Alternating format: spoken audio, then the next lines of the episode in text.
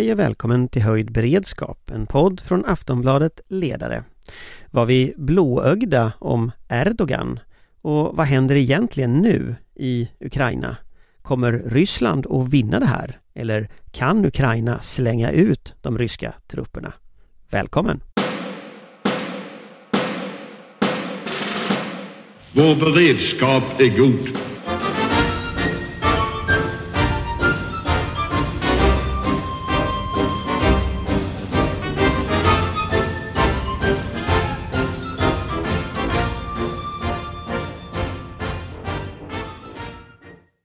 Ja, då var vi i vår studio här, Schibstedhuset i Stockholm med undantag av Patrik som vi ser i kanten på en skärm med ett glasöga eh, och som är på vift i cyberrymden. Eh, men det är alltså jag, Anders Lindberg. Det är då Patrik. Oxanen, Tankesmedjan Frivärd. Johan. Viktorin, VD Intil Group. Och Amanda. Bollstad, Svensk Tidskrift. Ja, och det har ju hänt rätt mycket sen på två veckor sedan vi träffades förra gången och vi, vi ska väl kanske börja lite med ändå läget i Ukraina som vi har gjort. Eh, för det styr ju rätt mycket av den övriga politiken. Så jag tänkte att vi kan väl börja eh, med Johan och de rapporter vi har fått från senare tid eh, de är väl inte entydigt positiva utan Ryssland rycker fram och vi ser då i alla fall små territoriella förändringar till Rysslands fördel. Det är väl det liksom senaste som, som vi ser i nyheterna. Vad finns bakom nyheterna, Johan? Ja, om vi bara målar läget så att vi har en eh, ordentlig utgångspunkt tillsammans så är det ju så att det är hårda strider vid eh, i Donbass då den eh, ut, inbuktning som finns där. Ehm, där kring Severodonetsk där ryska styrkor anfaller från olika håll och försöker då ta resten av Luhansk oblast. Och där är det precis som du säger Anders, där går det ju sakta framåt för Ryssland och de använder sin eh, stora eldkraft i form av framförallt eh, långskjutande artilleri för att mala ner de ukrainska styrkorna. Och Zelensky var ju ute här häromdagen och sa att man förlorade 60 till 100 stupade varje dag och upp till 500 sårade. Så att det är ju en våldsam våldsamma strider som pågår där. Framförallt eh, vad det verkar mycket distansskjutningar med artilleri parterna mellan. Vi kan återkomma till det. Men parallellt samtidigt eh, så anfaller ju faktiskt eh, ukrainarna i väster ner mot Cherson. Och ryssarna enligt de sista uppgifter jag har sett har börjat spränga broar där för att göra det lite svårare för ukrainarna. Och det är ju väldigt intressant. Eh, man är ju nämligen på norra sidan av Dnepr där eh, och det är frågan om hur länge man kan hålla det egentligen. Ja, ryssarna är på norra sidan Precis. av Dnepr. Eh, och i Charkiv-riktningen då på andra sidan, den andra flygen om man får kalla det så. Så, eh, så eh, har faktiskt Ukraina lite i skymundan lyckats ta ett brohuvud på andra sidan av en flod här och det blir väldigt spännande att se eh, hur de kan komma att utveckla detta för det här gör det svårare för ryssarna får då välja mellan att fortsätta förstärka där de har lite framgång eller att mota ett potentiellt genombrott från Ukrainas sida. Det är väl ungefär så läget ser ut och det här påverkar ju då, precis som du säger, vad är det för vapen Ukraina ska ha? Och här ser vi ju att man för in artilleripjäser från Frankrike och Polen, eh, Tjeckien, långskjutande kvalificerat artilleri och nu så annonserar ju president Biden att USA då kommer släppa på eh, raketartilleripjäser med långskjutande ammunition upp till sju mils räckvidd. Det, det, här med amerikanska utspelet idag, när vi, när vi spelar in detta så har eh, Biden skrivit en artikel i, i eh, New York Times var det väl tror jag Eh, där han går igenom så här gränserna för det amerikanska engagemanget, hur man ser framåt. Han säger bland annat att han inte vill se regime change i, i Moskva som ett mål eh, och, och också så här gradera vilka vapen det är han är beredd att, att lämna över. Om du tittar liksom på den, nivån på de vapnen jämfört med det ryssarna har, vad, hur står sig så här amerikansk raketartilleri mot ryskt när det gäller distans och sådana saker? Hur, hur påverkar detta? Generellt sett så skjuter det här, den här pjäsen då, eh, HIMARS som den heter, High Mobility Artillery Rocket System, den skjuter då längre än de flesta ryska raketartillerisystemen. Och den skjuter framförallt mer precis och den är mycket snabbare att ladda om så att man kan liksom gå i eldställning, skjuta iväg sin ammunition och sen gruppera om innan motståndaren hinner fånga upp det här med artilleriradar exempelvis och göra det som kallas då för counter battery, alltså att artilleriförband bekämpar artilleriförband när de skjuter. Eh, så det där är ju väldigt viktigt men samtidigt är det ju så också att säga då i det här nedtonade budskapet som ju då hade dels att göra med att man, in, man hade försäkrat sig om att eh, Zelensky då inte skulle använda Ukraina, inte ska skjuta in mot ryska baser. Eh, och det här är ju USA ganska vana vid att hantera, att förse olika stridskrafter med vapen och ha uppföljning på vad som händer med dem. De är ganska duktiga på detta. Och det andra är ju då att tona ner den, de här eh, eh, sam, ja, utspelen som har varit tidigare om att man ska besegra ryssarna och, och den här typen av grejer. Därför man, vill inte ha ett maximalistiskt mål. Eh, för det kommer förr eller senare tvinga fram en hårdare konfrontation, är då tanken, tror jag, bakom att man tonar ner detta. Så man å ena sidan då för in mer avancerade vapensystem, å andra sidan signalerar att vi tänker inte försöka åstadkomma någon regimförändring i Ryssland. När du tittar på själva militärgeografin, alltså bedömer du att Ukrainas mål är att slänga ryssarna över Dnepr, ner i Cherson eller är det att ta hela vägen ner till Krim, att man tar tillbaka hela vägen till Svarta havskusten så att säga? Vad, vad ser du när du tittar på hur förbanden är grupperade och sådär? Ja, alltså, Ukraina vill ju försöka återta allt territorium. Sen har väl Zelenskyj sagt att Krim kanske inte riktigt realistiskt. Beroende på hur just terrängen ser ut där. Men det är ju svårt att genomföra en, en övergång över flod. Vi har ju sett de här bilderna här på Tånbro. Det är ju liksom en liten bäck i jämförelse med Dnepr som kanske är 500 meter, 1000 meter bred. Så att, att försvara den strandlinjen. Så det kommer att ta lång, lång tid tror jag innan man är nere söder om eh, Dnepr för ukrainsk sida.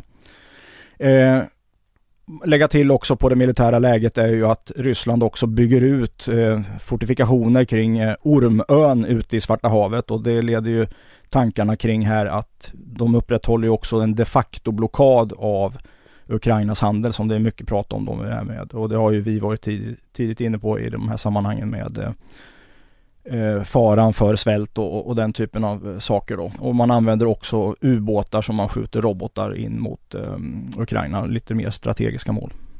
Mm. Eh, Amanda, när du tittar på det säkerhetspolitiska nu, det här är ju en del av en säkerhetspolitisk kontext där eh, Tyskland eh, inte riktigt är på samma ruta som Biden verkade ju som. Och där, där Macron också, eh, de hade något conference call här med, med Putin där de skulle diskutera, diskutera vad i alla fall i omvärlden uppfattas som en ganska, inte appeasement, men det är ändå liksom signaler om att det ska dags att gå till förhandlingsbordet och så vidare. Hur uppfattar du liksom det strategiska läget från Europas sida här? Men man börjar ju se en trötthet eh, både från makthavarnas sida och från eh, de breda befolkningslagren. Man, det är svårt att hålla, det, det, det, låter ju fruktansvärt att säga, men det är svårt att hålla intresset uppe. Det händer annat som distraherar. Eh, nyhetens eh, värde försvinner när det är ungefär samma saker vi ser. Eh, det chockartade försvinner när övergreppen blir vardag i en mening. Eh, det har även Zelensky tagit upp. Det har diskuterats att eh, privata donationer börjar sina. Vi ser sprickorna i Europa, inte minst över eh, gas och oljeinköpen där eh, man helt enkelt inte, från många håll helt enkelt inte är beredda att göra det avbräcket i ekonomi och komfort som eh, det skulle innebära att sluta köpa rysk olja och gas. Eh, och det är naturligtvis även en politisk fråga där vissa länder har en eh, huvudsakligen av historisk grund har en betydligt större acceptans och förståelse för att ge upp en del komfort för att kunna ge Ryssland på båten eh, Baltikum, Polen till exempel medan länder som Frankrike och Tyskland nog ändå inte riktigt tycker att det här är deras strid att ta och där blir de inrikespolitiska eh, uppoffringarna för stora att, att hålla en fast linje. Och det är ju oerhört problematiskt därför att vi vet ju också att eftergifter till det här Ryssland är ju en risk för hela Europa därför att man kommer ju inte, man kommer ju inte glatt dra sig tillbaka med det man eventuellt kan så, få i en sån förhandling utan hotet kommer ju kvarstå. Man kommer bygga upp sina militära förmågor igen eh, och fortsätta sin expansiva liksom, koloniala politik. Eh, så det är ju ett, ett långsiktigt hot vi måste hantera. Det är en väldigt oroväckande utveckling vi ser nu att att sammanhållningen och tålamodet inte tycks vara så mycket längre än så här. Jag tänker Patrik, om man tittar på eh, den här Bidens utspel så säger ju han att ingenting med Ukraina utan Ukraina. Han säger ju att det är Ukraina själva som måste få bestämma gränserna i alla förhandlingar och så vidare. Är det där riktigt sant? Det är vad som borde vara sant och jag hoppas att USA och Biden står det hela vägen. Men det är ju precis som Amanda varit inne på att det finns ju en oro nu för att vi kommer att se en trötthet och att ja, framåt slutet av sommaren kanske det trycket kommer att, att öka från vissa europeiska länder på Ukraina att, att ge eftergifter till Ryssland för att få, få till ett vapenstillestånd. Eh, och, och, det hör ju också ihop med en oro för vad som händer med europeisk ekonomi, oro för energiförsörjning etc. etc. etc. Eh, och där är ju, tycker jag, och det har jag varnat för, för länge, att det absolut farligaste som kan hända i det här läget det blir då att vi får en fred och en vapenstillestånd som bara blir att eh, Ryssland kan befästa sina landvinningar eh, och i praktiken då göra om säkerhetsordningen samt att Ryssland får ett eh, andrum för att kunna omgruppera sig för att sen när läge ges fortsätta att eh, ta Ukraina. Eh, Rysslands eh, slutmål är ju tydligt och därför så, så eh, ser jag väldigt mörkt på, på framtiden i den här konflikten. Men hur skulle en fred kunna se ut? För folk diskuterar ju ändå nu att, att någon form av fredsavtal måste ju till slut ändå bli. Liksom, hur skulle det kunna se ut rent praktiskt? Ja, alltså det finns ju många olika scenarier på hur det här skulle kunna se ut rent praktiskt. Men, men det enda som är hållbart är en fred som bygger på en ukrainsk seger. Inte på att Ukraina måste lämna ifrån sig saker. Ja, realistiskt sett så tror jag att, eh, jag håller med Patrik där, de ska naturligtvis återta allting. Det är där man börjar. Med då den eh, förbehållet att det kanske inte är realistiskt att ta Krim. Den kostnaden kanske blir lite för hög. Eh, och det har ju Zelenskyj signalerat tycker jag. Eh, och där kan man väl då i så fall tänka sig någon, där man började egentligen, det vill säga att man hade Sevastopol lisat till 2042. Eh, så att det är väl den, någon typ av sån överenskommelse då. Men det kräver ju då att man vinner eh, segrar på slagfältet också. Ja, och då måste man understryka att det måste Ukraina vinna stora segrar som man ännu är långt ifrån på, på slagfältet för att Ryssland ska kunna gå med på en sån mm. fred. Nej men det är ju som, som herrarna här säger, eh, det som möjligen är förhandlingsbart från Ukrainas sida är ju Krim och NATO-medlemskapet har man ju också signalerat för det är väl kanske ingenting som är aktuellt inom det närmsta ändå men det kan ju samtidigt inte vara ett långsiktigt hinder eh, och det handlar ju om suveräniteten eh, så att eh, det, möjligheten till fred beror ju helt enkelt på att Ryssland på något sätt kan finna ett sätt att backa. Och det måste de själva göra därför att eh, de, de, eh, det talas ju en del om, om, om off-ramps och så vidare för Putin men några sådana egentligen finns ju inte utan det handlar ju i så fall om att ge upp eh, suveränt territorium, eh, Ukrainas suveräna territorium och tvinga Ukraina till en sån eftergift. Och det är ju orimligt på så många plan både eh, för att det är en suverän stat vi talar om Eh, Eh, och för att eh, det bara skulle, skulle förlänga plågan och eh, göra Ryssland till ett större hot eh, längre framöver. Så att bollen ligger i mångt och mycket hos, hos Ryssland. Sen är det ju också så att det är tyvärr bara Italien som får mycket skäll för övrigt men det är bara Italien som öppet deklarerar bland de större länderna att eh, Ukraina är, är välkommet som ett EU-land. Eh, där fladdrar alltså de andra stora eh, staterna i Europa kring Ukrainas eventuella EU-medlemskap. Och det är ju rätt så beklämmande med tanke på om vi tittar på, det kom ut en rapport igår tror jag på från eh, New Lines Institute och eh, Raoul Wallenbergs Center för mänskliga rättigheter. Där man går igenom vad som står i Genèvekonventionen om folkmord och sånt och kommer fram till att man bedriver ett folkmord i Ukraina. Så det är väldigt långt från Responsibility to Protect som vi hade 2011. Vi har förflyttat oss otroligt långt från det. Man sa en, alltså en avsikt att begå folkmord och en, man gör det också på olika sätt med men, deportering. Men det här att man inte erkänner det, även om det är rätt uppenbart om man tittar på liksom lagtext och sådär. Alltså är det någon slags realistisk geopolitik som kommer tillbaka nu egentligen? Att är det Putin ändå drivit fram, att Europa har backat in i ett hörn här? Det är det vi ser.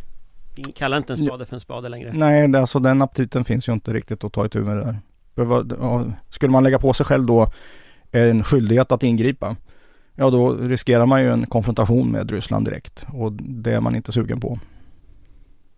Uh, nej visst är det så. Det, det, handlar ju helt enkelt om att man inte vill ta det ansvaret och naturligtvis uh, åter till det här det rent ekonomiska det blir ju inte snyggare att köpa olja och gas av ett krigsförande land när de dessutom kan konstaterats eh, begå folkmord. Eh, men EU-frågan är ju också essentiell för vi ska ju också komma ihåg att Ukraina är ju inte bara ett land mitt i, mitt i ett eh, anfallskrig som försöker försvara sin existens utan också ett land som jobbar väldigt hårt på att bygga upp ett fungerande demokratiskt samhälle, rättssamhälle. Man har ju tagit väldigt långtgående steg för att komma till rätta med, med korruption och eh, bli en ordentlig rättsstat och närma sig väst. Majdan under revolutionen är väl fortfarande det enda stället där människor har blivit skjutna med EU-flaggor i händerna. Det här är ju en sån otrolig symbolik. Det är ju det här man strävar efter, den unga generationen och, och eh, den liksom, politiska klassen som försöker göra Ukraina till, till en fungerande västland och hitta hem till Europa igen att inte stödja den strävan är ju inte bara en okänd, eh, otjänst i, i det här kriget utan även mot Ukraina och andra östländer eh, att de inte i deras strävan efter att bli fungerande rättsstater och delar av den europeiska gemenskapen. Eh, för det, det ska ju finnas någonting kvar efter kriget också. Det ska ju byggas upp ett fungerande samhälle och där måste Ukraina vara, vara välkomna. Jag tänker också att det finns en annan aspekt i detta och det är ju att stilleståndslinjer har en tendens att bli fredslinjer. Alltså om, om man stannar vid en viss punkt Eh, jag vet att Robert Dalsjö tidigare var med här och pratade om ett Nord och, Sydkorea scenario med en slags Öst och Väst-Ukraina eh, och, där blir liksom frågan var de gränserna går. Och, om jag tittar på detta utifrån liksom utan militär kunskap så ser det ju ut som att Ryssland håller på att etablera ett slags Östtyskland eller Nordkorea eller någonting i de östra delarna av Ukraina och att de tänker behålla fakta på marken. Just helt enkelt därför att av det som Johan sa tidigare, det är väldigt svårt att ta tillbaka den här terrängen. När man väl har liksom, man ska vända på spelplanen här liksom. Hur länge kan det här pågå skulle ni säga? Om man tittar på både kombinationen vilja att blanda sig i från olika länder och den faktiska möjligheterna på marken. Patrik? Ja, det här kan pågå mycket länge. Jag menar Koreakriget då som är en parallell ändå. Det var ju på 50-talet. Eh, och vi ser ju ingen lösning i sikte på, på den situationen. Så att eh, det här är ju någonting som kan i värsta fall pågå oerhört lång tid. Mycket beroende på vad som händer på marken och det är därför jag tycker att det är så viktigt att understryka att vi ska inte pressa Ukraina till ett vapenstillestånd så länge Ryssland har flyttat fram sina positioner. Eh, sen är det som så att det är Ukrainas suveräna beslut att eh, eh, då naturligtvis att, att, träffa ett sådant avtal ifall man, man bedömer att det är det man behöver göra. Men vi ska inte som Ukrainas vänner tvinga dem in i det hörnet utan vi ska ju ge dem all hjälp och alla möjligheter för att kunna befria sitt eget territorium. Mm. Om, om, man tittar på mm, sista frågan lite utifrån läget på marken. Vi har ju sett två utvecklingar samtidigt nu. Vi ser å ena sidan den ryska offensiven. Man tar stad efter stad här. Förlåt. Och å andra sidan så ser vi då Tyskland som säger att man ska ge luftvärn, USA som säger att man ska ge raketartilleri. Är det någonting av detta som är en game changer i läget vi ser? Johan? Nej, det skulle jag inte säga. Um, det är väldigt svårt på avstånd förstås att bedöma hur långt liksom, ja, Jag uppskattar väl kanske att de har upp till en femtedel av sina stridskrafter Ukraina eh, i den här eh, Donbassområdet som man slåss om just nu. Och de, det finns ju en liten risk att de blir inneslutna där. Eh, så att, eh, men om de inte blir det då kommer det att mala på under flera månader framåt i alla fall. Det är jag ganska övertygad om kan ta nästa fråga som, vi, som ju är het just nu är ju Sverige.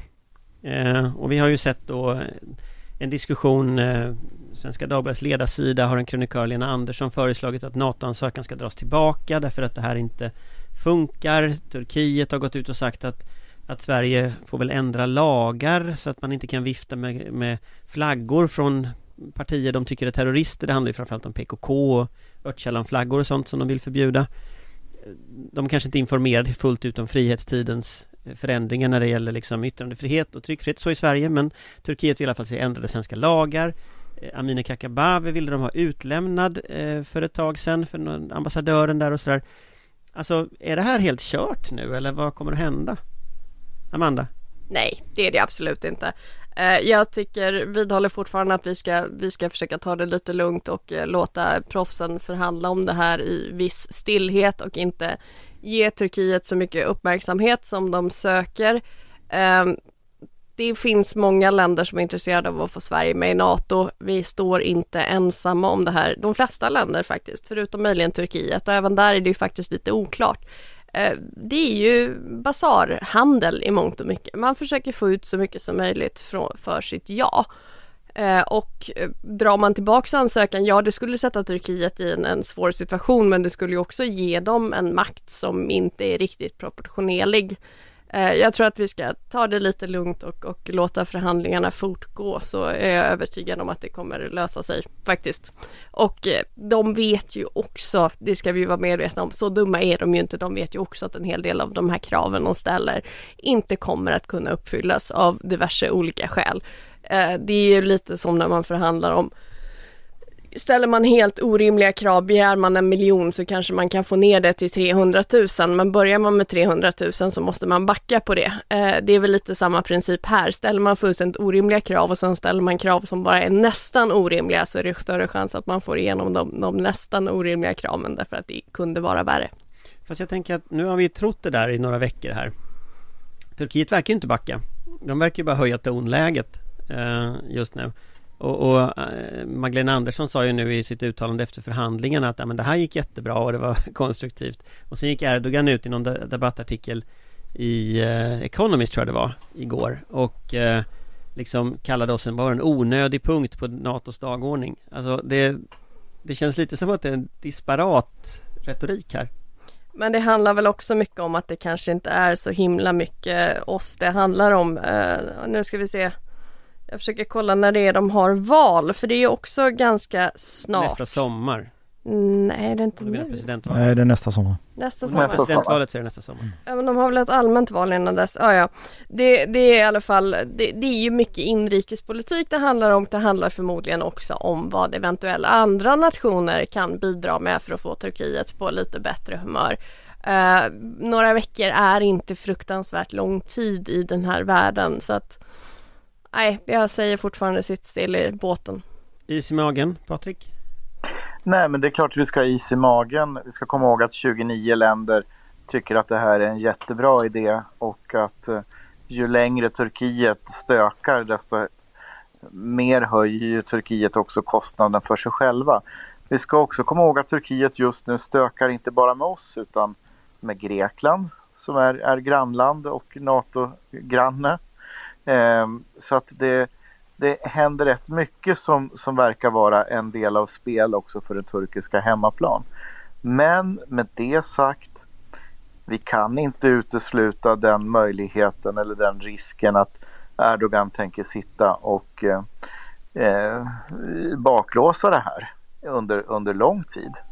Det är inte alls säkert att det här är över till Madrid, även om vi hoppas på det. Eh, Madrid är slutet av eh, juni. Precis, NATOs toppmöte. För, tack för att du klargör det för lyssnarna när jag tog det lite väl, väl familjärt. Eh, och eh, det gör ju att vi, vi, eh, vi behöver ju ha iskall eh, eh huvuden och eh, fortsätta jobba nära ihop med Finland. Skynda på vår egen försvarsförmåga alldeles oavsett NATO-medlemskap eller inte så behöver vi göra den processen. Den processen behöver gå ännu snabbare eh, och det gäller hela försvaret eh, och särskilt den civila delen av totalförsvaret. Så att vi har mycket att göra i hemläxa och samtidigt så har vi ju den situationen att vi har ju fått eh, ganska starka löften från våra närmaste vänner om att bistå oss om någonting händer under under vänteperioden. Så att eh, jag är inte sådär jätteorolig men jag konstaterar att vi måste ha flera huvuden i, i eh, flera tankar i huvudet samtidigt, inte flera huvuden, det är ingen hydra. Eh, men men eh, i det här. Eh, så att eh, keep calm and carry on. V- Vänteperiod säger Patrik. Hur lång kan den där vänteperioden bli Johan? Den kan nog bli ganska lång. Ehm, vi har ett ganska dåligt förhandlingsläge. Rent krasst. Vi har ont om tid eh, och det här gäller vår säkerhet. Eh, och ehm, det kan dra ut på tiden det här. Och världen kan hinna ändras många gånger om innan den här processen är löst. Så att här gäller det att jobba på ordentligt. Och det gör att ehm, jag tycker att man var lite osmart från riksdagen måste jag säga när det gäller den här analysen som så entydigt liksom klubbade ner alternativen. Därför vi kan bli sittande med de alternativen under ett år, två år, tre år. Men om du tänker vad är plan B? Om man säger så här Johan Victorin plan B. Vad, hur ser den ut? Nu, nu antar jag följande scenario. Jag antar att Turkiet menar allvar med vad de säger. Det vill säga de kräver utlämnande av ett 30-tal personer. De kräver att Sverige ska ändra sin utrikesbiståndspolitik i, i givet de här grupperna i Syrien. Eh, vapenembargot är väl som det är. Det finns, verkar inte finnas något vapenembargo i verkligheten men skitsamma. Men de kräver i alla fall att export av vapen dit. Någon form av symboliskt vapen för att visa att det är häft. Det kommer inte gå att gå med på för Sverige. Vad gör vi då? Vad är plan B? Ja, det är ju... Vad ska vi göra? Ja, nej, men precis. Vi får gneta på precis som Patrik säger. Men, men om vi börjar i liksom fundamentan i de här, eh, de här kraven, om man nu ska kalla det för det. Eh, lemonadförsäljningen i basaren. Eh, så eh, är det ju så att vapenembargot, den kan vi nog lösa ganska lätt egentligen. Eh, jag tror också de här eh, politiska grejerna att inte kunna lämna ut, det är ju liksom en röd linje. Och dessutom så kan ju vi ju visa på eh, alltså behandling av PKK genom hela historien från svensk sida. Där är vi ganska starka också. Utan den svåra nöten blir ju det här med utvecklings och biståndspengar. Och det är väldigt komplicerat och det hinner vi nog inte reda ut här eh, hur det där funkar. För det finns ju små kopplingar mellan PKK och när det blev PUD, eh, när partiet grundades och så vidare. Så att det, och de samarbetar dessutom mer eller mindre öppet med den syriska regimen. Så det, det är väldigt grått kan man säga lugnt i det här avseendet. Så att eh, vi måste jobba på. Sen såg jag här att amerikanarna eh, i form av sin eh, talesperson här Kirby sa igår att det här är inte en amerikansk fråga utan det här är en fråga mellan Turkiet, Finland och Sverige i första hand. Nu kanske man vill säga så publikt och sen gör man någonting annat bakom kulisserna förstås. Men, men jag tror att det är viktigt för Sverige att verkligen hålla fast i Finland ordentligt här. För vi sitter ihop strategiskt som en enda enhet och vi får inte börja darra på manschetterna. Eh, och att liksom hörsamma de här appellerna om att vi ska vänta och dra tillbaks ansökan och sånt. Det är fullständigt förödande. Det kan vi inte ägna oss åt. Och nu talar jag ju då som NATO-skeptiker. Jag tycker man har hanterat det här lite tafatt rent strategiskt så. Men nu har vi liksom ansökt om detta och då måste vi följa den linjen fullt ut. Så vi får inte darra där. Men vad är plan B? Alltså, är det ett EU-försvar? Är det Nej, det har vi inte tid med. bilaterala? Bilateralt. Okej, så vem ska vi få bilaterala garantier från? Säg att Erdogan drar ut på det fem år. Eh, alltså, eh, Nordmakedonien, vad tog det? 20 månader liksom för dem att bli medlemmar? Nej, men det, det, är ju, det som Johan säger är väldigt viktigt. Vi, vi sitter i samma båt som Finland. Vi fortsätter fördjupa vårt bilaterala samarbete eh, på alla sätt och eh, också då under den här perioden går djupare med, med, med de NATO-länder som ligger oss nära. Och vi har en rad garantier under vänteperioden som är formulerade från en rad länder. USA, Storbritannien, eh, våra nordiska grannländer. Eh, så att vi ska jobba på eh, och göra vår hemläxa, jobba på att jobba så mycket bilateralt vi kan i, eh, inom eh, vårt närområde och eh, särskilt då tillsammans med de länder som har uttryckt de här garantierna till oss. Eh, som eh, att göra oss redo för medlemskapet den dagen det inträffar. Eh, det är det vi kan göra, det är det som är vår plan B. En kontrollfråga där bara Patrik. Mm. Eh, de här garantierna då, eller försäkringarna som man pratar om. Försvars Försäkringarna är ju bättre ordet. ja, försvarsförsäkringarna. Eh, Ja. de, här finns det väl olika beroende på vilket land det är så att säga. För det är ju en sak när man har blivit inbjuden till NATO. För då har ju NATO som organisation det intresset. Men nu har ju vi lämnat in en ansökan men vi är ju ännu inte inbjudna. Nej. Eh, och, och, men de försäkringarna som vi nu pratar om som jag råkade kalla för garantier, vilket inte är den korrekta terminologin, de är ju då eh, uttryckta bilateralt eh, från en rad länder genom att vi lämnar in. Så att, så att det finns ju redan uttalat. Men det. Sen in... är ju de inte bindande på det sättet och så vidare. Men, Nej, det är men, politiska. De är ju mer politiska. Innan jag släpper in Amanda, alltså bara, alltså är inte den mest bindande garantin det, förutom att Frankrike i sin garantibrev åberopar 42.7 mm. i EUs eh, fördrag som är klart är bindande på en nivå som för Frankrikes del naturligtvis är avgörande om det ska finnas en Europeisk Union i framtiden eller inte vilket ju för Paris är ganska strategiskt men om man bortser från det är inte det mest bindande att det finns ett foto på Magdalena Andersson, eh, Sauli Niinistö och Joe Biden från Vita huset den bilden och ett angrepp på de länderna är ju, är inte det den starkaste garantin? Jo, fast snart kommer det ju ett presidentval i USA också och då får vi se vem som är president efter det. Amanda?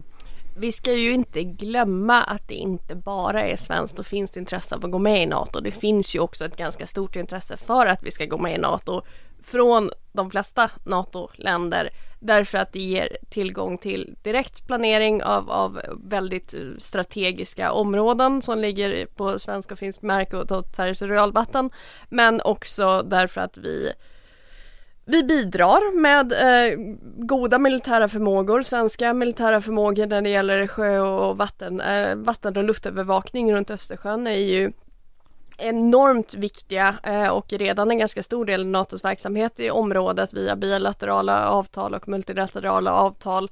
Eh, vi har också den politiska dimensionen med det nordiska samarbetet eh, som ju kommer stärkas på den militära delen när vi går med i NATO och även med Baltikum som ju naturligtvis har ett stort intresse av att vi går med. Så att vi är ju inte ensamma i det här vare sig under ansökningsperioden eller i förhandlingarna med Turkiet. Även om det är huvudsakligen vårt huvudverk och vårt ansvar naturligtvis så är vi ju inte ensamma. Det är ju inte som att vi försöker strida oss in i en organisation som inte har något intresse av att ha oss med och det måste vi komma ihåg tror jag. Ja, man ska liksom försöka sätta sig in i mannen på, och kvinnan på gatans perception av det här. Så har vi alltså två stycken stora partier som driv, har drivit olika linjer historiskt. Och där Moderaterna då har krävt ett NATO-medlemskap men har inte varit beredda att rusta försvaret för den här typen av period, vilket många har sagt att man måste ha. Eh, därför att det kan bli en osäker tur på, på, på det här vattnet. Det var ju liksom egentligen lätt att räkna ut. Och sen har du ett parti som säger att att vi ska inte lämna in en ansökan för det skulle vara Sverige skulle vara destabiliserande så. Och sen helt plötsligt så är vi inte det längre. Och då är den gamla politiken helt värdelös. Och nu befinner vi oss i det här läget. Eh, det blir lite svårt för den enskilde att liksom försöka förstå vad är det egentligen som gäller och vilken linje har vi. Så det är väldigt viktigt att man liksom visar ledarskap här nu och att man tror på de här sakerna och inte backar ett steg när man nu har valt den här stigen. Alltså, jag, själv funderar jag på vad, alltså, vad, hur man ska hantera det här i relation till EU. För från första januari är vi ju EU-ordförande. Eh, som naturligtvis är Turkiets viktigaste samarbetspartner. Eh, som vi kommer att leda. Eh, och det är klart att eh, det finns ju många spår att spela det här eh, spelet med Turkiet på. Och där tänker ju jag när jag ser framför mig att, att det här för turkisk del handlar mycket om ekonomi. Och, och, regeringens möjlighet att bli omvald i Turkiet handlar naturligtvis om ekonomi. Det kommer ju de att prioritera.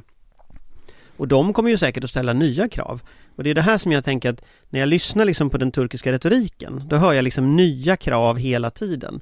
Och då får jag en känsla av att de vill inte ha en snabb lösning. De vill sätta oss i det här läget. De vill dra ut på tiden.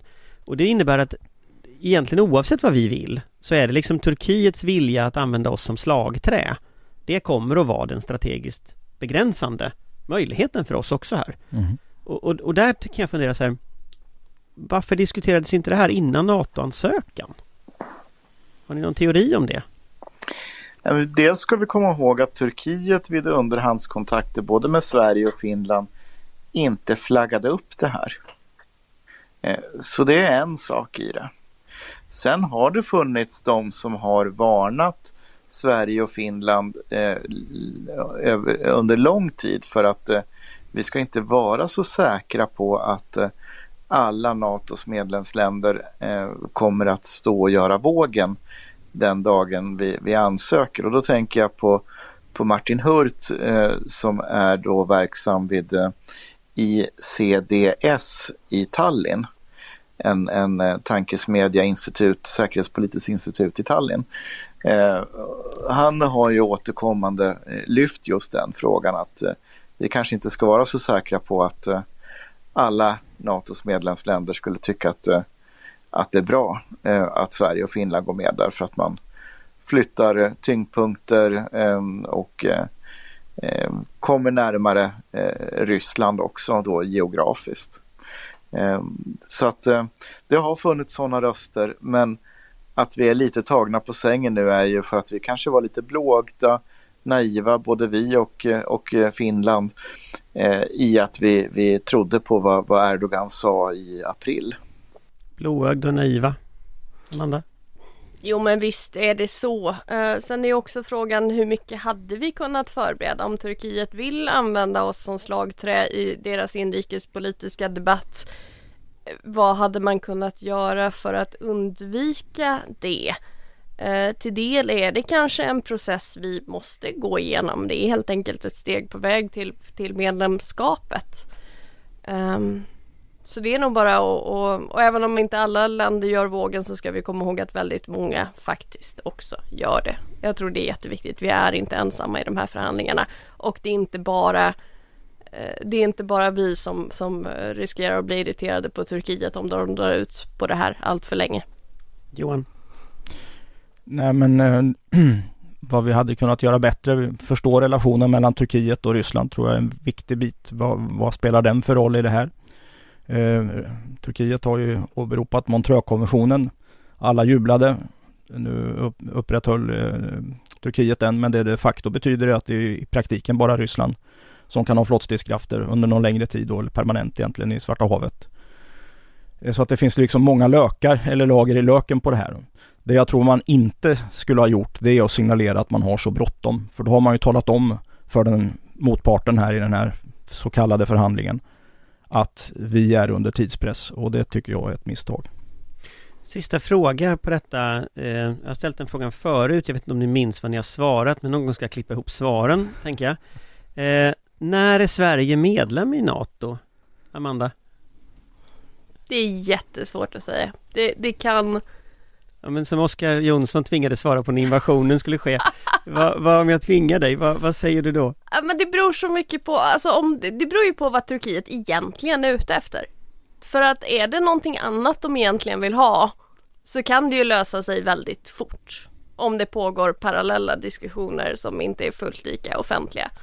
Och annars kan det ta ganska lång tid. Men jag, jag, tror inte att det blir en hur utdragen process som helst därför att jag tror att det är andra nationer som eh, inte kommer att ha så mycket tålamod med Turkiet och som Turkiet är mer beroende av ekonomiskt än de är av oss eh, stora eh, nationer och handelspartners.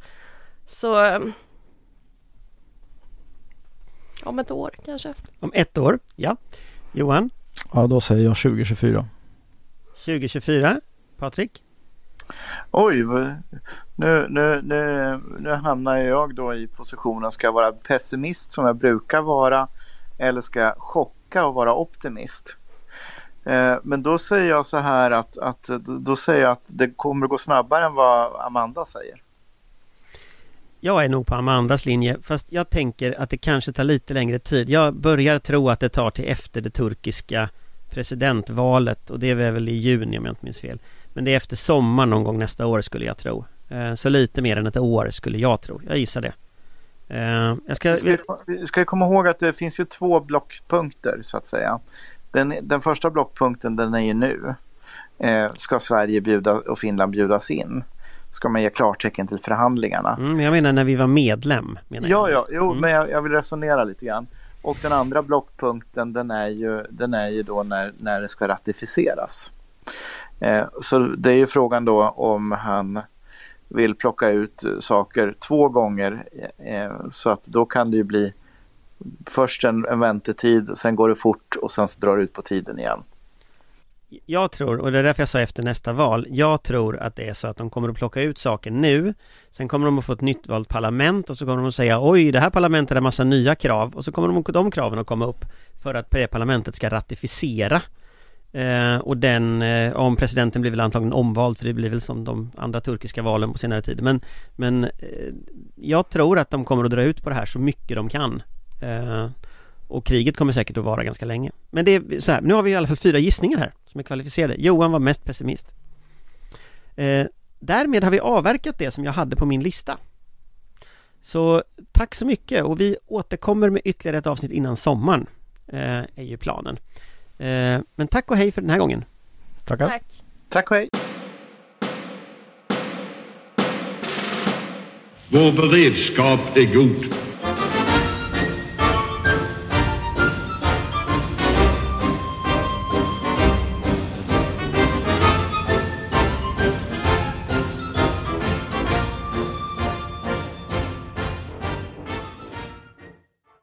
Du har lyssnat på en podcast från Aftonbladet. Ansvarig utgivare är Lena K Samuelsson.